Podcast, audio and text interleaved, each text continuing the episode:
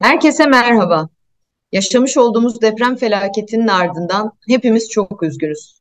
Depremde hayatını kaybedenlere Allah'tan rahmet, tüm yakınlarına başsağlığı diliyorum. Çok zor, çok acı dolu günlerden geçiyoruz. Hepimizin başı sağ olsun. Tüm yaralılara acil şifalar diliyoruz. Umuyorum ki hep birlikte dayanışmayla bu zor günlerin üstesinden de geleceğiz.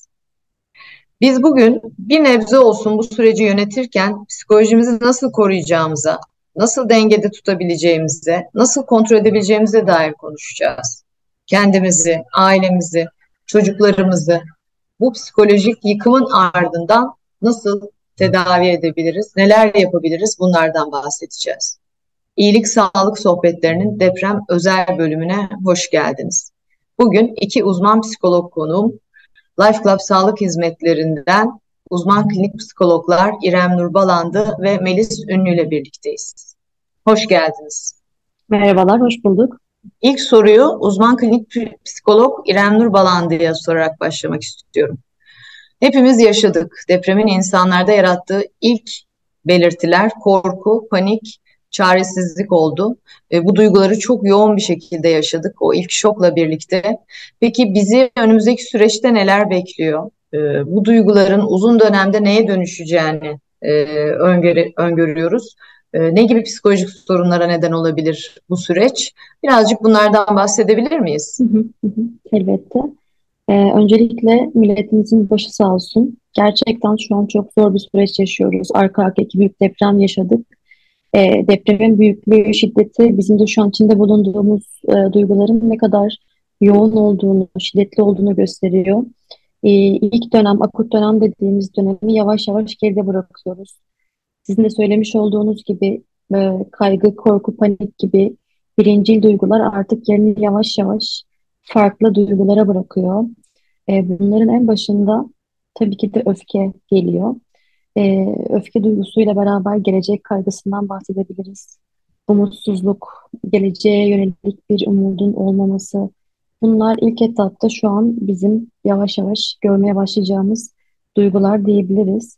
Biraz açmak gerekirse e, ilk hafta deprem yaşamış olduğumuz hafta uzaktan tanıklık ediyor olsak bile herkeste bir panik hali vardı, öfke hali vardı e, fakat çok yoğun yaşanmıyordu. Herkes kendi canının derdindeydi aslında olması gerektiği gibi. Şu an ise bedensel bütünlüğü korumak kadar psikolojik bütünlüğü de korumak gerektiği için artık insanlar bu süreçten sonra ne yapacaklarını düşünmeye başlıyorlar. Ee, şimdi ne olacak? Ee, depremi direkt yaşayanlar işte işim, evim, ailem ne oldu? Arkasından tabii ki de bir yaz süreci var. Çok fazla kaybımız var biliyorsunuz. Ee, bununla ilgili bir yaz sürecinin yaşanması gerekiyor. Yaz süreci herkeste farklı yaşanıyor. Bunu biz çoğunlukla öfke olarak görüyoruz. Öfkeli olmayanlar ise daha çok depresif tavırlarla, depresyon aslında e, kendilerini belli ediyorlar. Şu an bu noktada toparlayacak olursak, şu anki evrede, akut dönemden sonraki evrede gelecek kaygısının, umutsuzluğun ve öfkenin, üç duygunun baskın olduğunu söyleyebiliriz aslında. Kesinlikle öyle.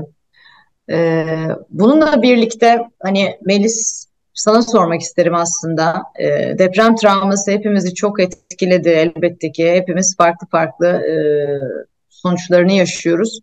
Bununla birlikte tabii ki özellikle deprem bölgesindeki çocuklar e, ve de elbette ki depremi uzaktan izleyen çocuklarımızda da büyük travmalar oluştu, yaşandı. E, yani büyük e, olasılıkla da bunların etkilerini uzun vadede göreceğiz. Hep birlikte gözlemleyeceğiz. Bu yaraları hep birlikte sarmaya sarmalamaya çalışacağız.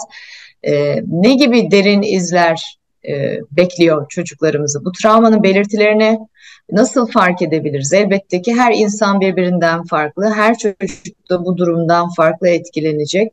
Ee, bunu nasıl anlarız? Anladığımızda ne yapmamız gerekir? Bu süreci nasıl daha iyi yönetebiliriz çocuklarımız? Efendim tekrardan merhabalar. Ee, ülkeme ve milletime geçmiş olsun dilemek istiyorum ilk olarak. Şimdi e, bu dönemlerde e, çocuklar travma esnasında yaşadığı duygularla ilk 0-1 yaşta duygularıyla başa çıkmakta çok zorlanırlar ve bizler de e, çocukları anlamakta çok zorlanırız. E, streslerin stresin bir göstergesi olarak aslında 0-1 yaşta gereksiz telaş ve heyecan içinde olurlar. Gelişimsel, e, gelişimsel düzeyde olduklarından kaynaklı uyku düzenini tamamıyla 0-1 yaştaki bebekler kaybederler. Gelişimsel dönemlerini yerine getirmede zorluklar yaşayabilirler. E, şimdi diğer ilk ve e, ilk çocukluk döneminden bahsetmek istersek 2 ve 5 yaş büyüme ve gelişme, güven anlamında gelişimlerini tetikleyebilirler. Küçük yaşta anksiyete ile başa nasıl çıkabileceklerini bilmeyebilir, hislerini ifade etmekte zorlanırlar çocuklar. Ağlama, aşırı derecede e, bağlanma problemleri, sızlama, titreme, korkma belirtileri görülebilir. Bunlar dışında 5 yaşta e, çoğunlukla daha çok 5 yaşta görülür aslında korkma eğilimleri. Son çocuklukta ise 6 ve 11 yaşta korku ve anksiyete görülür çocuklarda. Gerçekçi bir bakış açısına sahip olduklarından kaynaklı tehlikenin farkındadırlar aslında. Duygularını ailelerini üzmemek için söylemezler. Bazı zamanlarda içine atabilirler. Tehlikeli oyunları görülebilir fazlasıyla ve okulu reddetme olasılığı çok fazlasıyla vardır çocuklarda. Peki bu dönemde e, çocuklar yani aileler çocuklara nasıl davranmalıdırlar? Şimdi bu dönemi biraz ele almak gerekirse en önemli dönemlerden bir tanesidir aslında. Çocuğun ruhsal ve fiziksel e, güvende hissetmesi kesinlikle sağlanmalıdır. Ailenin oldukça bir arada kalması sağlanılabilir.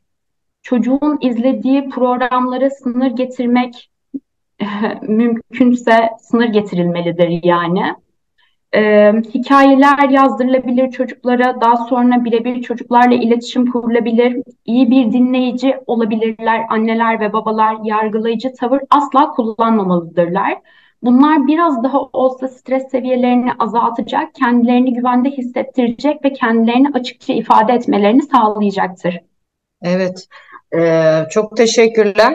Burada benim anladığım özellikle 11 yaşa kadarki çocukluk döneminde e, bu tip e, travmaların ardından en fazla gözlemleyeceğimiz şey uyku bozukluğu değil mi? E, uyku rutinlerinin evet. bozulması, sürekli kaygılı davranmaları, daha fazla ağlamaları, daha fazla korktuklarını e, hissettirmeleri e, ve e, rutine dönmekte zorlanmaları. Yani bunları gördüğümüz zaman mutlaka e, daha fazla ilgi göstermeli. E, hatta gerekiyorsa e, profesyonel yardım da almalıyız çocuklarımız için. Evet, kesinlikle. bölgesinde olmayan uzaktaki çocuklarımız için bunlar önemli göstergeler diye anlıyorum.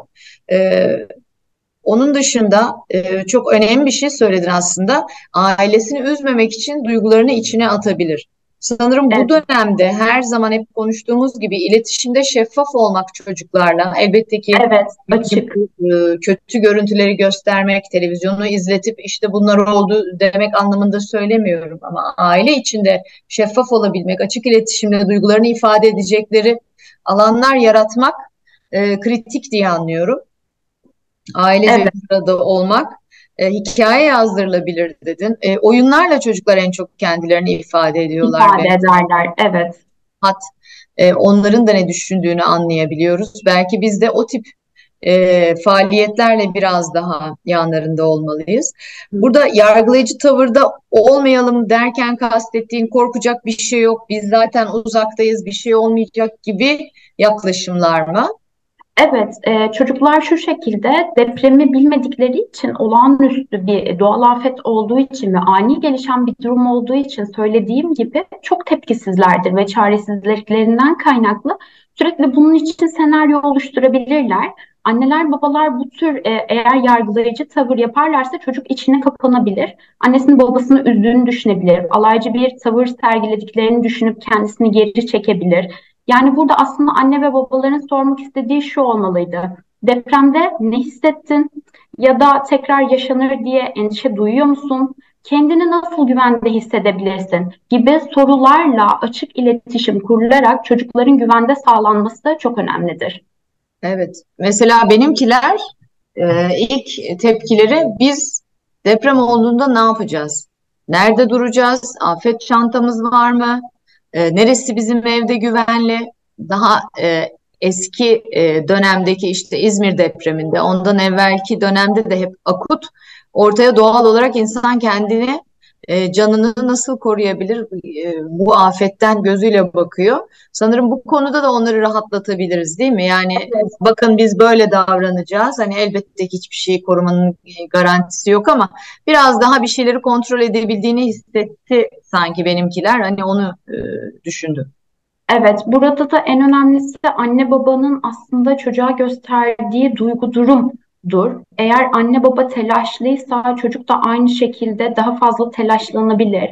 Burada tam anlamıyla anne baba duygularını saklamamalı, tamamıyla endişesini anlatmalı, doğal afet bir durumunun normal bir durum olduğunu söylemeli ve daha sonrasında birlikte çanta hazırlamalar, destek almalar vesaire gibi durumlarda aynı şekilde birlikte adımlar atılmalı. Yani kişiler tek taraflı değil de çocuklarıyla birlikte yapmalı bunu. Eğer çocuklarından bunu gizlerlerse çocuk tekrardan içine kapanıp kendini geri çekebilir. Çünkü anlamlandıramayabilirler Ondan kaynaklı dediğimiz gibi üstüne basarak söylemek gerekirse açık iletişimli olmak çocuğumu güvende hissettirmektir.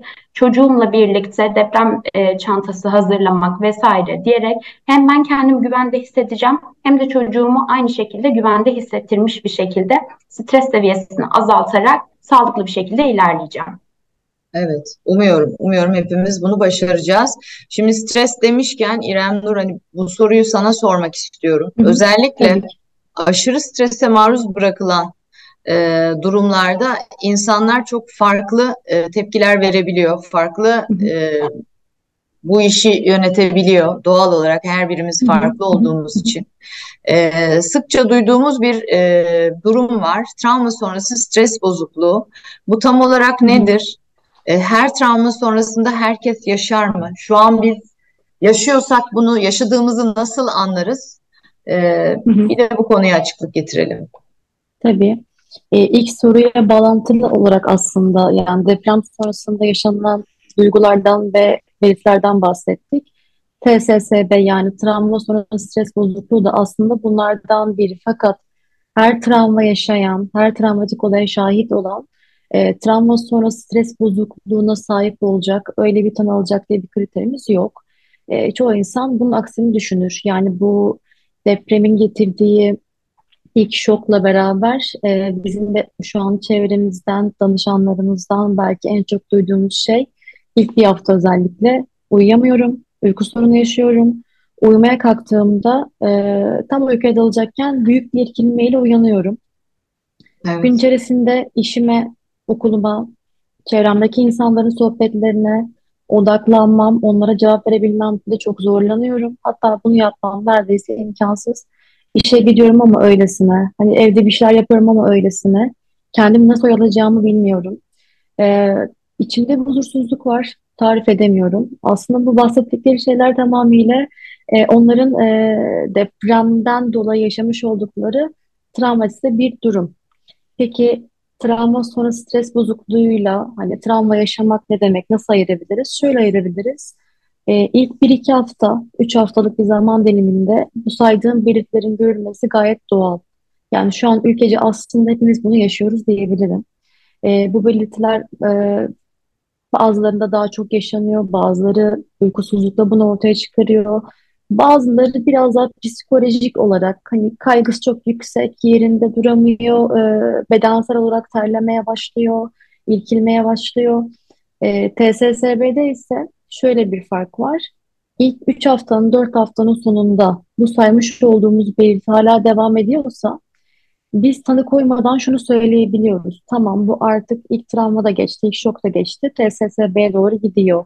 Yani kişi de travma sonra stres bozukluğuna ilişkin MR'ler devam ediyorsa, bir ay, iki ay, üç ay, aylarca sürüyorsa bu artık kronik bir hal almaya başladığı için e, bizler için de çok e, riskli bir durum oluyor. Yani karşıdan bakan biri olarak, bir psikolog olarak ve diyoruz ki bu kişi artık e, ilk evreyi de atlatmış fakat depremin getirdiği travmayı atlatamamış.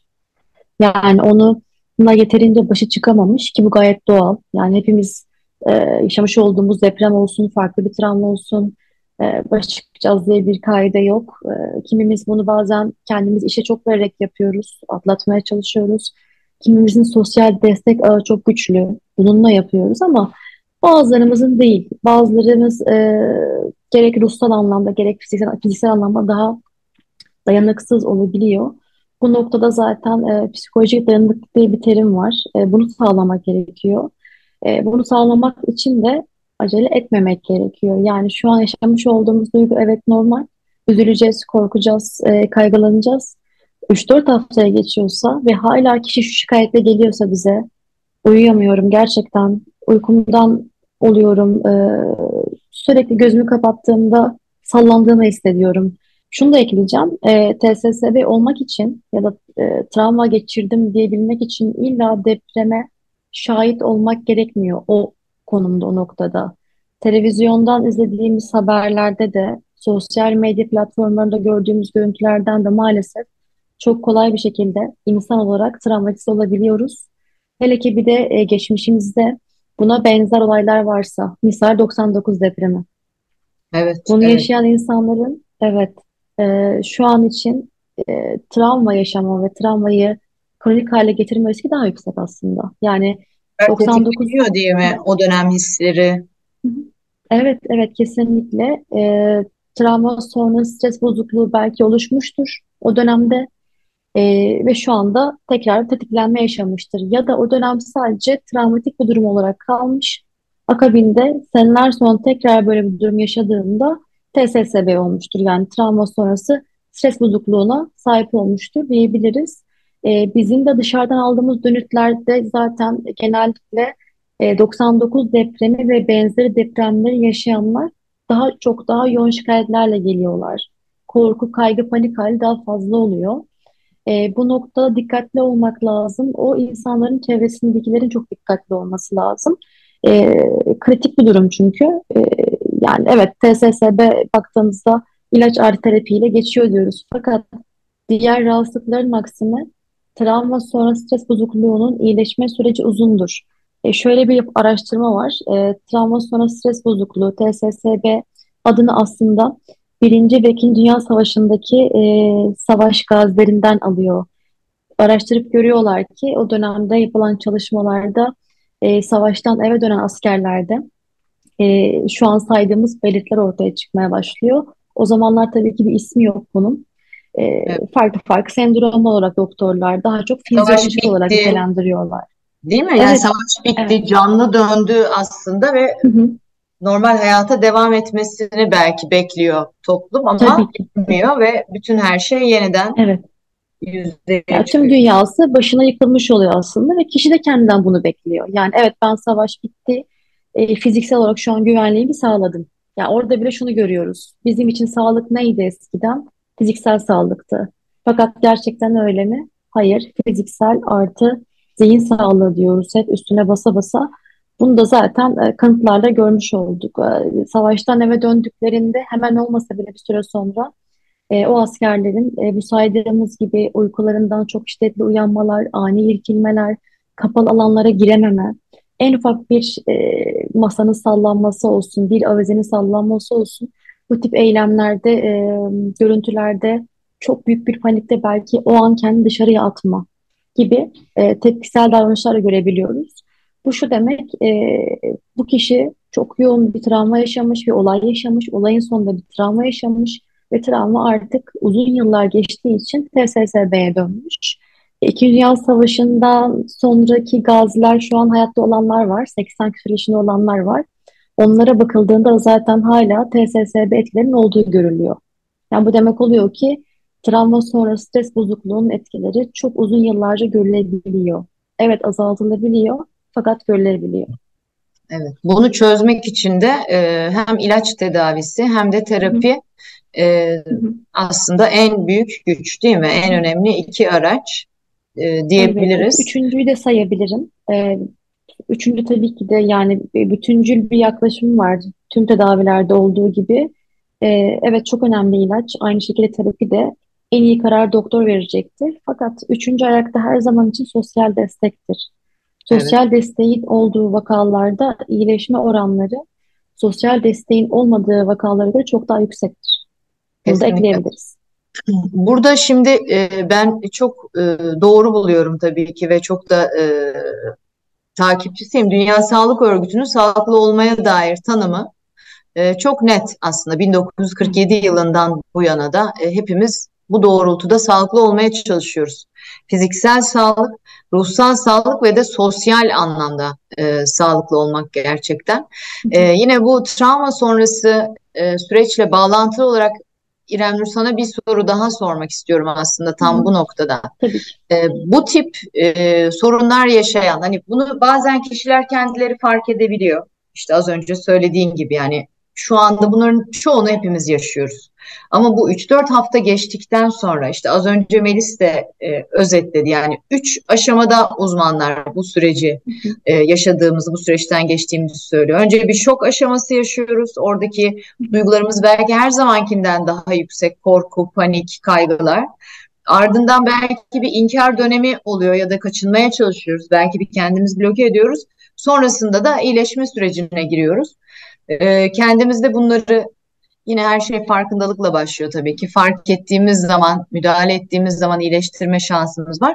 Bir de çevremizde bu travmayı yaşayan, bu sürecin içinde olan e, yakınlarımıza nasıl destek olabiliriz? Bu semptomları onlarda gördüğümüz zaman hani öncelikle kendi tutumumuz nasıl olmalı? Şimdi üç ayaklı bir tedaviden bahsediyoruz travma sonrası stres bozukluğunda e, ve üç sağlam ayağın biri ilaç, biri terapi, diğeri sosyal destek.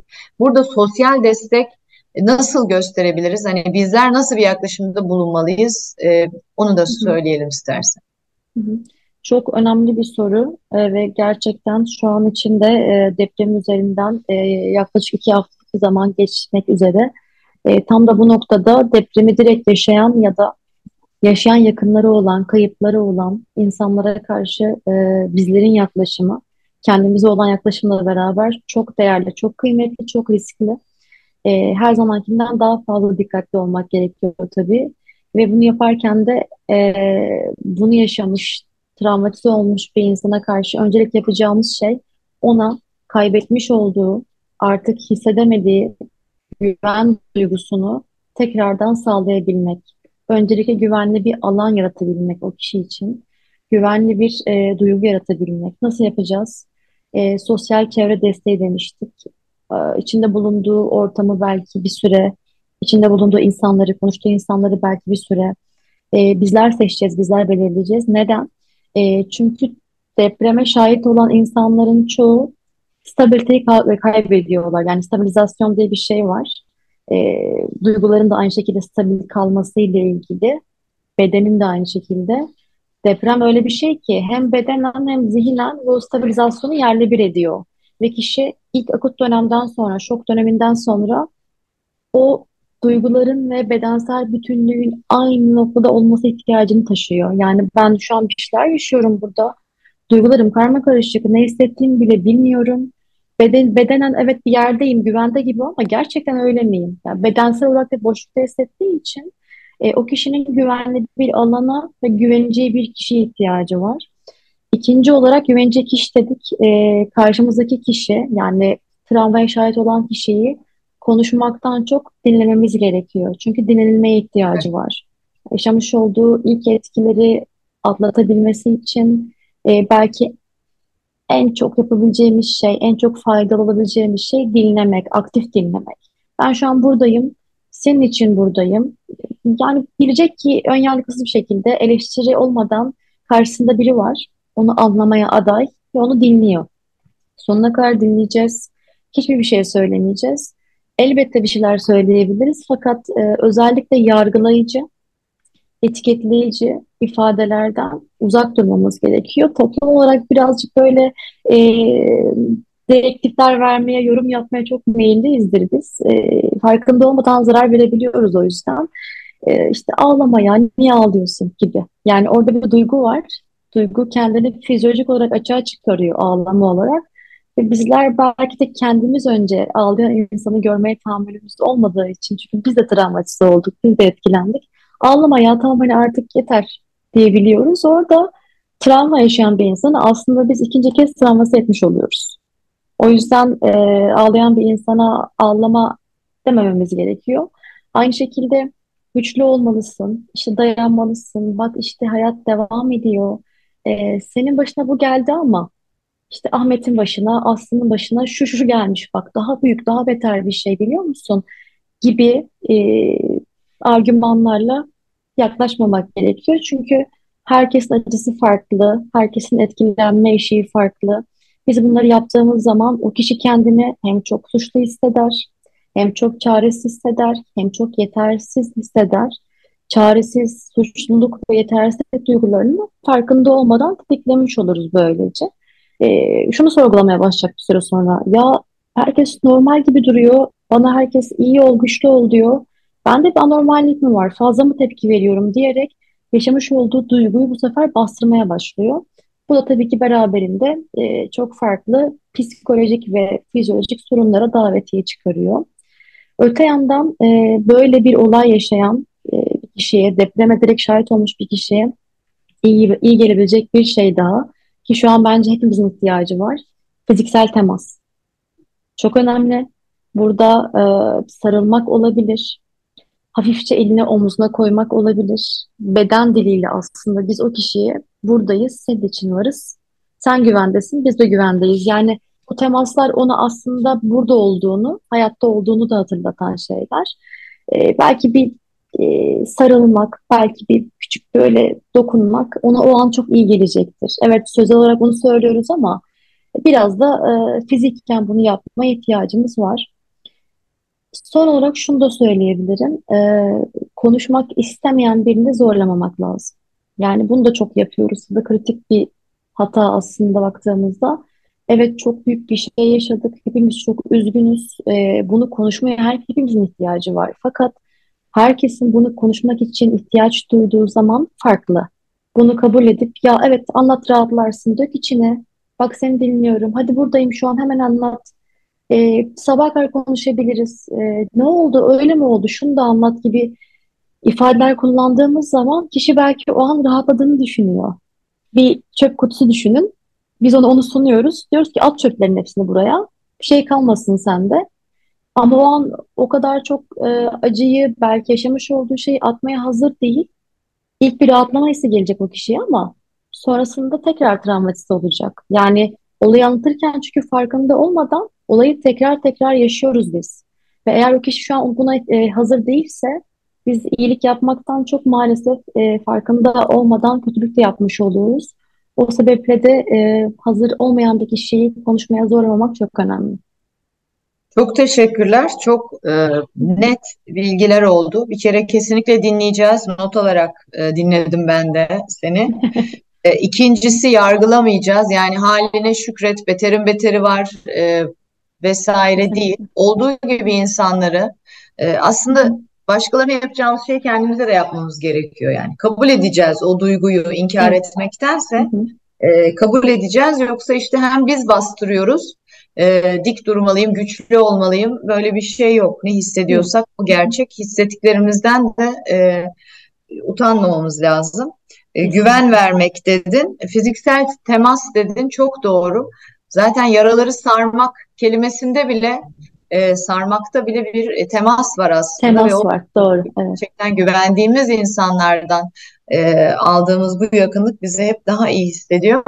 E, bir de yine çok önemli bir şey söyledin, zorlamamamız gerekiyor. E, ne zaman hazırsa o zaman anlattığında da yanında olacağımızı e, hissettirmemiz çok e, fayda sağlayacaktır diye umuyorum. Bu süreci yaşayan dostlarımıza, e, yakınlarımıza destek olabilmek adına. Evet Melis, e, bunun dışında yani çok net biliyoruz ki korku, şiddet, kaygı e, hep yaşadığımız sonuçlar. Deprem sonrasında peki yani genel olarak insanlar en çok hangi e, sebeplerle, hangi şikayetlerle e, psikolojik destek almak için başvuruyorlar. Çoğumuz aynı duyguları yaşıyoruz. E, çoğumuz yemek yemekten, uyumaktan e, çok uzağız. E, bir buçuk haftadır e, gerçekten bu duyguları yaşıyoruz. E, yaşadığımız duygunun bence e, en güçlüsü de Bir tarafta evet utanmak ben kapalı e, evimdeyim sıcak yemeğimi yiyorum e, duşumu alıyorum insanlar orada perişan çaresiz hani bireysel ya da kurumsal olarak yapabileceğimiz destekleri yapmanın yanında bir yandan da e, bu duygu bize suçluluğu da peşinde getiriyor. Çok yoğun bir suçluluk duygusu da yaşıyoruz. Ee, hani bunu psikolojik olarak nasıl yönetebiliriz? Nasıl aşabiliriz? Hani belki e, sen de son olarak bize bu konuda bilgi verirsen e, tamamlamış olalım. Evet Elif Hanım, şimdi şöyle bir şey var. Kişiler özellikle beklenmedik olayın ağırlığını sindiremediler ve çaresizlik içerisinde kaldılar aslında.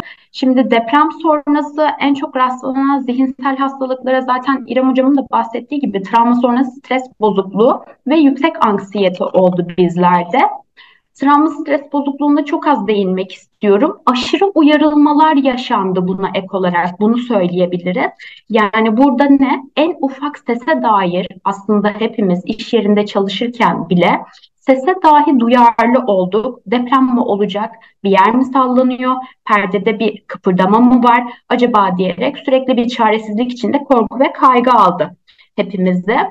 Peki e, bizler neler yapabiliriz? Yani bu duygu, düşünce, davranışlar olarak ortak bir noktadayız. Evet ama neler yapabiliriz de gelirsek e, ilk olarak fiziksel sağlığımızı gerçekten korumalıyız. İnsanlardan kendimizi izole etmememiz gerek ve e, bu televizyon, sosyal medyadan biraz da olsa uzak durmamız gerektiğini söylemek istiyorum. Aynı şekilde e, birçok insan benzer duygular yaşadı. Buna İrem Hocam da bahsetti zaten. Benzer duyguları yaşadığı hissiyatına varıp biraz daha stres faktörünü, kaygıyı azaltmak konusunda kendi kendimize e, böyle farkındalığımızı arttırabilecek düşüncelere e, dönüşebilir, dönüştürebiliriz yani. Kendimize kesinlikle ama kesinlikle zaman ayırmalıyız. E, sosyal destek ağımızı hiçbir zaman e, bırakmamalıyız. Yani burada sosyal destek ağı, sosyal teknoloji, Instagram, sosyal medya internet değil de tamamıyla arkadaşlıklardan bahsediyorum. Ama bu arkadaşlıkların içerisinde her zaman e, rutinlerimiz de olmalı. Eski hayata nasıl e, sohbetlerimiz, muhabbetlerimiz varsa aynı şekilde devam etmeli diye düşünüyorum. Ve kendimi suçluluk duygusu ile baş başa bırakıp izole etmemeliyim. Tamamen dışarıda vakit geçirmeliyim. Tekrar eski düzenime dönmeliyim. Çocuğumla nasıl ilgileniyorsam o şekilde ilgilenmeliyim. Eğer benim belirtilerim varsa bahsettiğimiz gibi travma sonrası stres bozukluğu, kaygı bozukluğu, depresyon vesaire gibi e, rahatsızlıklarım varsa eğer 4 ve 6 haftayı da aşıyorsa bir uzmandan e, acilen destek almayı önerebilirim. Evet, çok teşekkürler. Çok teşekkürler e, katkılarınız için. E, umuyorum ki e, bir nebze olsun dinleyiciler için faydalı olmuştur. Ben kendi adıma e, önemli edinimler e, aldım. E, tekrar hepimizin başı sağ olsun. E, tüm yaralılarımıza e, acil şifalar diliyoruz. Umuyorum ki toplum olarak hep birlikte dayanışmayla bu günlerin üzerinden e, geleceğiz. Çok teşekkürler. İyi ki geldiniz. Çok teşekkür, teşekkür ederiz. Hoşçakalın. Sevgiler. Tekrardan hepimizin başı sağ olsun ve sağlıklı günler diliyorum.